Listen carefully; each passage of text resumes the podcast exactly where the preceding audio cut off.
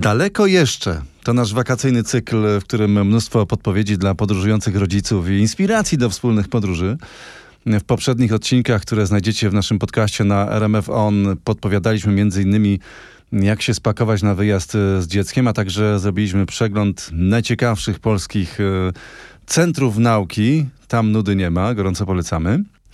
Dziś opowiemy o miejscach, w których zafascynujemy dziecko historią.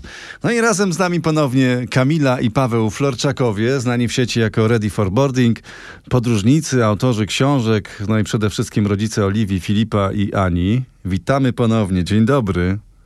Dzień dobry. Cześć, dzień dobry. Wasze dzieci na hasło historia jak reagują? Nie reagują źle i nie zauważyliśmy, aby to się wiązało z jakimiś takimi negatywnymi emocjami. Po prostu dorośli często mogą takie emocje mieć, czy, czy mogą tak negatywnie trochę podchodzić do nauki historii. Często nawet wręcz nas się pytają, czy dzisiaj idziemy do jakiegoś muzeum. Czy do starego miejsca. My jakby po prostu ich uczymy o świecie, opisujemy im historię, opisujemy im miejsca, które widzimy i często mówimy o tym, co tu się kiedyś działo, dlaczego jest tak, a nie inaczej. E, I nie, nie sprzedajemy im tego, że tutaj w którymś roku coś się działo, dlaczego ten budynek w tym roku został zniszczony. Po prostu staramy się trochę tak mówić językiem dziecięcym i opowiadać, um, opowiadać kim na przykład byli krzyżacy, mhm. dlaczego ten zamek zaatakowali. Więc staramy się po prostu ich trochę zainteresować tą historią. Jak w ogóle umiejętnie zareklamować takie miejsce dziecku, żeby e, miało ochotę tam pojechać i żebyśmy nie usłyszeli tato, mamo, nuda? No przecież tam są rycerze, tam byli rycerze. No tak, oczywiście rycerze. Co jeszcze? Smoki, dinozaury. No tak naprawdę no, dziecko też się musi przekonać, tak? Jeżeli my nie lubiliśmy jeździć po takich y, muzeach i nas to nigdy nie interesowało, no to dlaczego na siłę chcemy tam jeździć z dzieckiem? ale tak naprawdę dziecko ufa rodzicom, wie, że chce dla nich e, rodzic zrobić wszystko, co najfajniejsze, najlepsze i jedzie z takim rodzicem. Jeżeli trafimy w miejsce, zainteresujemy się z dzieckiem, fajnie tam spędzimy czas, no to myślę, że takie dzieci będą same chciały dalej z nami podróżować i zwiedzać nowe miejsca wiele y, właśnie takich miejsc historycznych, y, może tutaj weźmy na przykład te zamki, o, y, o, których wspomnieliśmy, oferuje takie specjalne ścieżki zwiedzania dla rodzin z dziećmi i dzieci na przykład mają specjalne zadania do robienia, muszą szukać jakichś elementów, rozwiązywać zagadki, czasami są przebieranki. I Pan to jest, samochodzik. To jest w ogóle to jest super angażujące dla dzieci. I e, my się też przekonaliśmy, że kiedyś trochę przypadkowo trafiliśmy na takie zwiedzanie, e, gdzie właśnie pani oprowadzająca po zamku w Gniewie e, tak fajnie opowiadała i angażowała dzieciaki. W pewnym momencie dzieci mogły się nawet przebrać, założyć jakieś zbroje. Walczyć mieczami. Tak, więc dla nich to była taka frajda, że jak oni teraz słyszą, że idziemy do jakiegoś zamku, to oni po prostu chcą. I mhm. to fajny bardzo przykład Kamila podała. Zamek w Gniewie. Można byłoby pomyśleć, co to za atrakcja dla dzieci. Mhm. A tak naprawdę super. Normalnie byliśmy w wycieczce właśnie organizowanej, gdzie normalnie też dorośli brali udział e, i chodzenie tymi komnatami, wspinanie się po wąskich schodach w górę. No przecież dzieciaki uwielbiają wspinać się po jakichś niedozwolonych miejscach, więc to jest też dla nich super przygoda. I nawet był tam plac zabaw gdzieś pod tym zamkiem w okolicy. Nawet tam nie zawitaliśmy, bo dzieci tego zupełnie nie potrzebowały. Także nie bójmy się historii, nie bójmy się zamków, nie bójmy się jakichś muzeów. Nawet jak nie ma tam dedykowanych rzeczy dla dzieci, to sama historia, chodzenie tymi elementami, ci rycerze, e, te smoki wawelskie, to też jest fajna rzecz dla dzieciaków. My Polacy mamy bardzo bogatą historię, kochamy się momentami w tej historii, jak e, słyszymy na przykładzie Kamila i, i Ka Kamili i Pawła, m, mm, potrafimy fajnie prezentować je dzieciom. Wasze największe odkrycie w Polsce, jeżeli chodzi o miejsce, gdzie czuć historię i dzieci są zachwycone? No i dużo jest takich miejsc tak naprawdę i moglibyśmy je wymieniać, ale myślę, że możemy powiemy o takich trochę nieoczywistych miejscach, e, które też właśnie pokazują super fajną historię e, Polski, o której nawet my dorośli często nie, może nie tyle nie słyszeliśmy, ile się jej nie przyglądaliśmy. I takim fajnym odkryciem, które mieliśmy e, całkiem niedawno, to jest Muzeum Emigracji. E, w Gdyni, e, które też nazwa brzmi, no co tam jest dla dzieci, ale też pomijam, że tam była faktycznie jakaś też mała wystawka dla dzieci, gdzie było dedykowane dla maluszków, e, ale samo przejście również przez tą wystawy, pokazania, jak to ludzie kiedyś płynęli statkiem do Ameryki, polepsze życie, że stąd wypływały takie wielkie statki, jakieś właśnie były nawet makiety statków tam, tak, makiety tam. samochodów, jak ludzie przewozili kontrabandę w maluch. E, takie rzeczy też super ich zainteresowały i bardzo nam się to muzeum spodobało. Byliśmy tam całą piątką e, i naprawdę polecamy każdemu. A takich miejsc w Polsce właśnie historycznych dużo nawet teraz powstaje. Czy mhm. E, Żywe Muzeum Piernika e, w Toruniu, czy na przykład Muzeum Mydła i Historii Brudów Bydgoszczy. Malutkie muzeum, e, też część warsztatowa w ramach zwiedzania występuje, no ale świetna sprawa. Także. Ci zaczynają się myć po tej wizycie. Sami jesteśmy zszokowani tą historią, bo też nie byliśmy tak bardzo świadomi. No właśnie, no pamiętajmy, że muzea to muzea się zmieniają, powstaje wiele nowych obiektów, nowoczesnych obiektów. I to nie są już te muzea, które pamiętamy pewnie z naszych czasów szkolnych, kiedy były gabloty, nic nie można było dotykać. Teraz stawia się jednak na multimedialne stanowiska, nowe technologie w tych muzeach. Przygotowuje się te miejsca tak, aby właśnie można było dotykać, aby słuchać, można było słuchać historii, chodzić z audioprzewodnikami.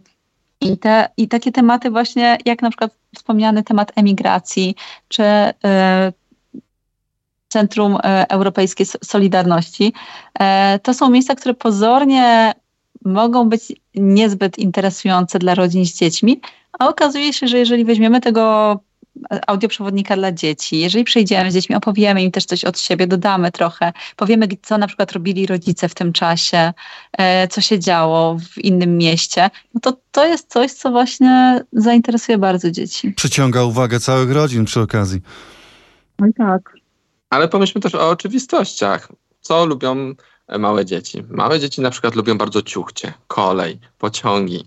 W Polsce też mamy mnóstwo skansenów takich kolejowych. Mamy na przykład e, Muzeum, e, stacja Muzeum w Warszawie, czy e, jej filię w Sochaczewie, gdzie nawet taką kolejką można się przejechać. E, więc to też jest historia. Tu też możemy dosłownie dotknąć historii, bo poza jakimiś makietami, eksponatami związanymi z kolejnictwem, mamy też przecież wielkie, stare, ogromne lokomotywy, wagony, do których bardzo często można wsiąść, do których można dotknąć.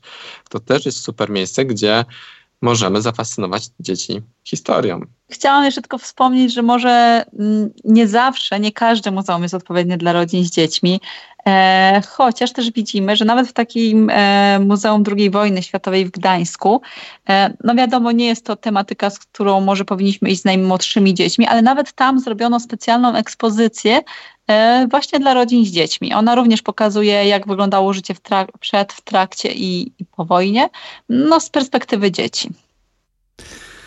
To też bardzo ważne, a wracając do tego, o czym mówił Paweł przed chwilą, czyli te kolejki, te ciuchcie wspaniałe, to przy okazji można e, wtedy e, zacytować Tuwima i e, opowiedzieć lokomotywę, prawda?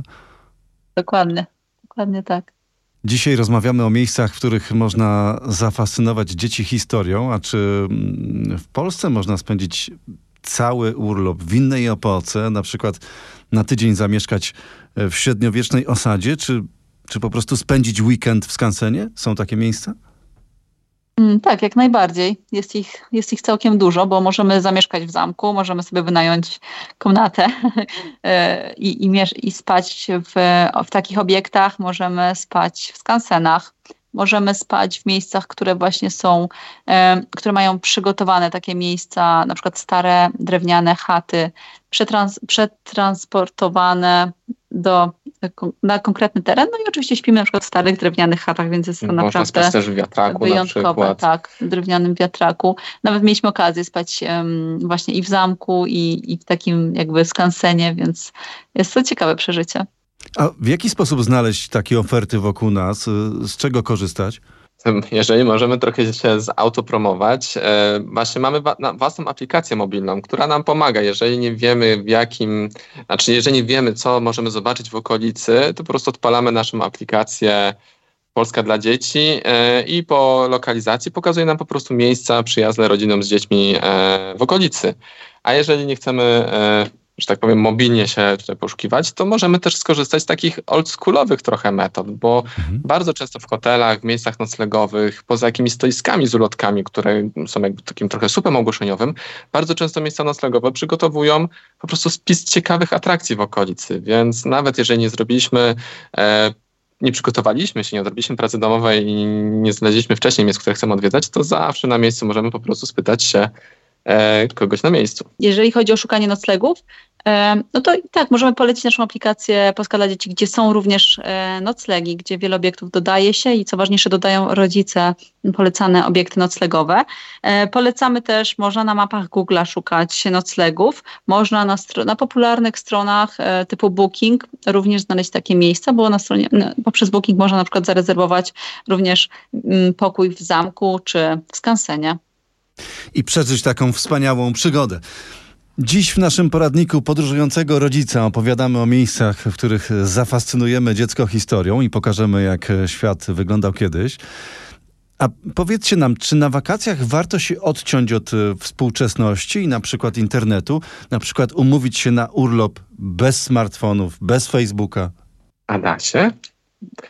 Myślę, że większość rodzin teraz, e, znaczy większość, myślę, że dużo rodzin teraz poszukuje też noclegów, w których na przykład jest internet, żeby można było odpalić jakąś platformę streamingową z bajkami dla dzieci wieczorem.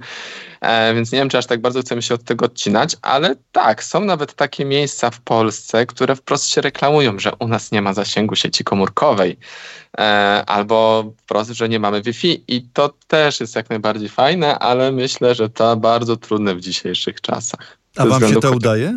Zdarzyło nam się kilka razy być w miejscu, gdzie faktycznie ten zasięg był kiepski. Nie planowaliśmy tego i poradziliśmy sobie. Więc... Nie było to, że szukamy specjalnie takich miejsc, ale jasne, da się przeżyć. Oczywiście, że tak. Natomiast e, obecnie w dzisiejszych czasach to nawet e, wszelkiego rodzaju atrakcje, trochę wymagają wręcz tych technologii, bo mhm. często wchodząc na przykład do jakiegoś miejsca od razu dostajemy kod QR, że trzeba zeskanować na przykład audio, nagrania specjalne czy audioprzewodnika.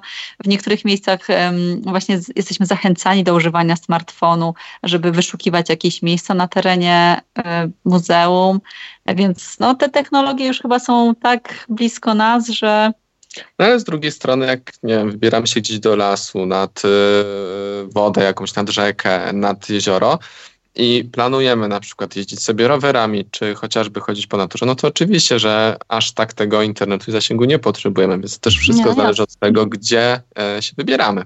No, mhm. na przykład może tak wybiegając trochę poza Polskę, wspominaliśmy, że byliśmy w Stanach przez miesiąc i tutaj faktycznie można by pomyśleć, że w Stanach ten zasięg i internet wszędzie, ale przemierzając te kilkaset kilometrów dziennie, bywało tak, że my byliśmy właśnie kilka godzin zupełnie bez internetu i, I? swoją drogą tutaj było fajne, aby pokazać dzieciom, że tak, mapy na przykład mamy off, e, zapisane już e, w offline, więc mhm. nie mamy takiej stałej łączności.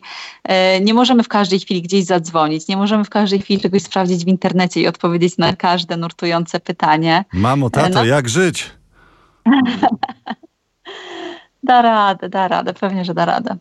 Fajne, można potem sięgnąć po mapę, na przykład pokazać dzieciom trochę inny sposób szukania drogi tak. do jakiegoś miejsca na przykład po parkach narodowych to tak, mapy szły w ruch, takie, które dostawaliśmy na wjeździe. No i to było naprawdę fajne, bo też dzieci dostawały swoje zadania różne do robienia. Też tam były różne mapy, gdzie musieli czegoś na przykład poszukać, więc taki trochę old school, no. Czy wasze dzieci, no myślę o tej najstarszej, Oliwia, tak? Dobrze pamiętam? Tak. Ma już smartfona, korzysta? Nie, nie. Zdarza się, że na wyjazd zabieramy y, stary telefon, nasz już nieużywany, mhm. y, ale zaczęło się to od tego, żeby robiła swoje zdjęcia. po prostu bardzo często nam y, chciała wyrywać trochę nasze telefony, więc postanowiliśmy, że właśnie przeznaczymy jeden z taki starszy telefon na to, aby mogła robić swoją pamiątkę, e, zbierać swoje zdjęcia, nagrywać jakieś tam krótkie filmiki. E, no i później na przykład z tych zdjęć wybieramy zdjęcia, które ona później pokazuje w przedszkolu. Czyli można. No, staramy się tak pozytywnie wykorzystywać te technologie. Oczywiście, że też tam e, bajki puszczamy na, na telefonach czasami, gry też na przykład na naszym, jeżeli naprawdę jest już jakaś sytuacja kryzysowa, więc my się przed tym nie bronimy, ale myślę, że też dużo pozytywnych aspektów jest. Ale też właśnie zwróćmy uwagę na to, jak dorośli wykorzystują technologię i że dzieci się tego uczą. I tu właśnie przykład naszej Oliwii był bardzo fajny, no bo my nie siedzimy na telefonach i nie gramy na przykład właśnie w jakieś gry, e, czy nie oglądamy śmiesznych filmików, tylko no, telefon nam zazwyczaj służy do pracy w rozumieniu robienia filmików, robienia zdjęć. I właśnie tak samo e, Oliwia e, nauczyła się, że sama chciała telefon właśnie po to, żeby robić zdjęcia. I, I w ten sposób wykorzystanie technologii też jest fajne. A też taką ciekawostką jest to, że też no, często latamy dronem. E, no i dron wygląda trochę jak taki joystick do, do konsoli do gier. I kiedyś, e, już nie pamiętam, czy Oliwia, czy Filip dostali taką zabawkę, którą właśnie jest taki pad jak do konsoli do gry. I Mhm. nasze dzieci powiedziały nie, że o, gra konsola, pad do gry, tylko o, mam drona, latam dronem. Więc Mhm. też właśnie wszystko zależy od tego, jak my wykorzystujemy tę technologię i jak to dzieci później po nas po prostu papugują, uczą się od nas. No ale przykład mają piękny. Bardzo Wam dziękuję za dzisiejszą rozmowę. Gościem Radia RMF24 była Kamila, był też Paweł, to rodzina Florczaków, e, znanych w sieci jako Ready for Boarding. No i do następnego usłyszenia, do następnego zobaczenia za tydzień. Do zobaczenia. Dziękujemy.